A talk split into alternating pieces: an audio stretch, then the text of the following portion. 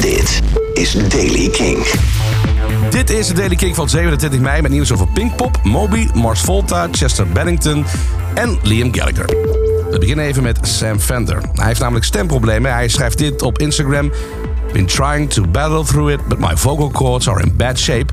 Doctors' orders are to take a couple of weeks vocal rest. So sorry, but I won't be able to perform.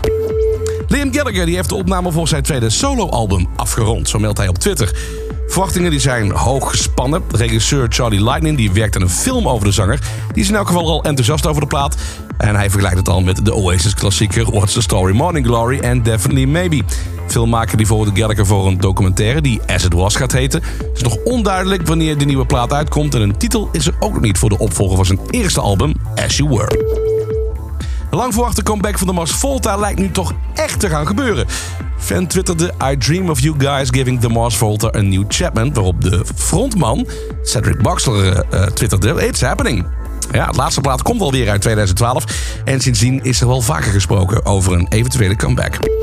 Moby die heeft op Instagram zijn excuses aangeboden aan Natalie Portman. Hij vertelde in zijn biografie een relatie met de actrice te hebben gehad. Maar ja, Portman ontkent dat. En nu laat Moby weten spijt te hebben Portman van tevoren niet op de hoogte te hebben gesteld van de publicatie.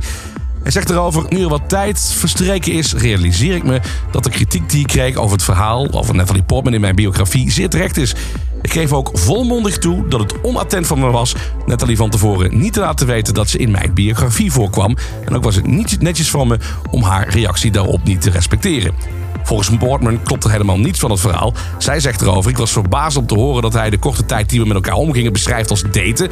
Want in mijn herinnering was hij vooral een veel oudere man die eng tegen me deed. Tot zover King Boulevard. De zoon van de overleden zanger van Linkin Park, Chester Bennington, die zal voor het eerst optreden tijdens de Strange 80s Benefit Show. Een show waar artiesten hun favoriete jaren 80 muziek coveren.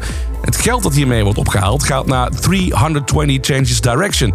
Dat is een hulpprogramma voor mensen die kampen met zware depressies, opgezet door de vrouw van Chester Bennington. Chester pleegde in 2017 zelfmoord. En de vervanger van First Aid Kit op Pinkpop is vandaag bekendgemaakt. Of nou, eigenlijk afgelopen weekend al. Duncan Lawrence. En verder heeft eh, Izzy Bizu eerder al bekendgemaakt dat ze niet kon optreden in Landgraaf. Zij wordt vervangen door Boef. En dat was er weer, de Daily Kink. Dag in dag uit, laatste nieuws door te luisteren via kink.nl. Het Kink-kanaal op Deezer. Je kunt de podcast natuurlijk ook gewoon volgen in Spotify... of waar je ook je favoriete podcast vandaan haalt.